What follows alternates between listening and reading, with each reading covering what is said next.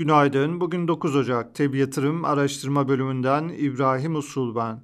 Amerika'da Aralık ayında beklentilerin altında artış gösteren saatlik kazançlar verisi sonrası global piyasalarda cuma günü pozitif kapanışlar yaşandı. Amerikan endeksleri %2.1 ile %2.6 arasında yükseldi. Avrupa borsalarında %1.5 dolayında yükselişler gördük. Global piyasalar yeni haftaya da pozitif tarafta başlıyor. Çin'de pandemi önlemlerinin kaldırılması sonrası ekonomide toparlanma beklentilerinin Fed tarafında Şahin beklentilerin ABD verileri sonrası bir miktar azalmasının endeksler üzerinde olumlu etkileri sürüyor.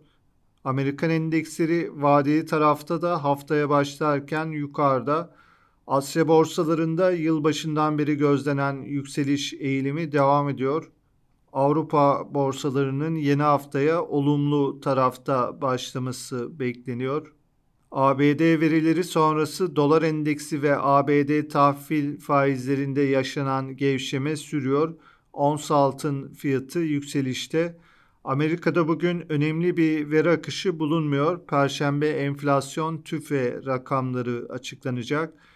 Borsa İstanbul tarafında ise geçen hafta salı gününden itibaren daha çok satışların etkili olduğunu takip ettik. Cuma günü bir miktar toparlanma yaşansa da BIST endeksi yılın ilk haftasını %3 değer kaybıyla kapadı. Borsa İstanbul'un yeni haftaya daha olumlu başlamasını öngörüyoruz.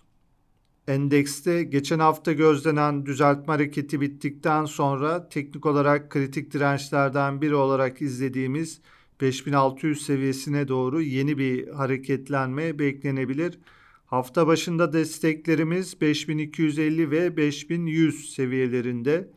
Hisse tarafında endekste toparlanma hareketi içinde teknik olarak Alarko Holding, Aselsan, Ford Otosan, Garanti Bankası, Genilaç, Koza Anadolu, Korsa, Migros, Tofaş Fabrika, Türksel, Türk Telekom, Türk Hava Yolları, Yataş hisseleri olumlu tarafta takip edilebilir.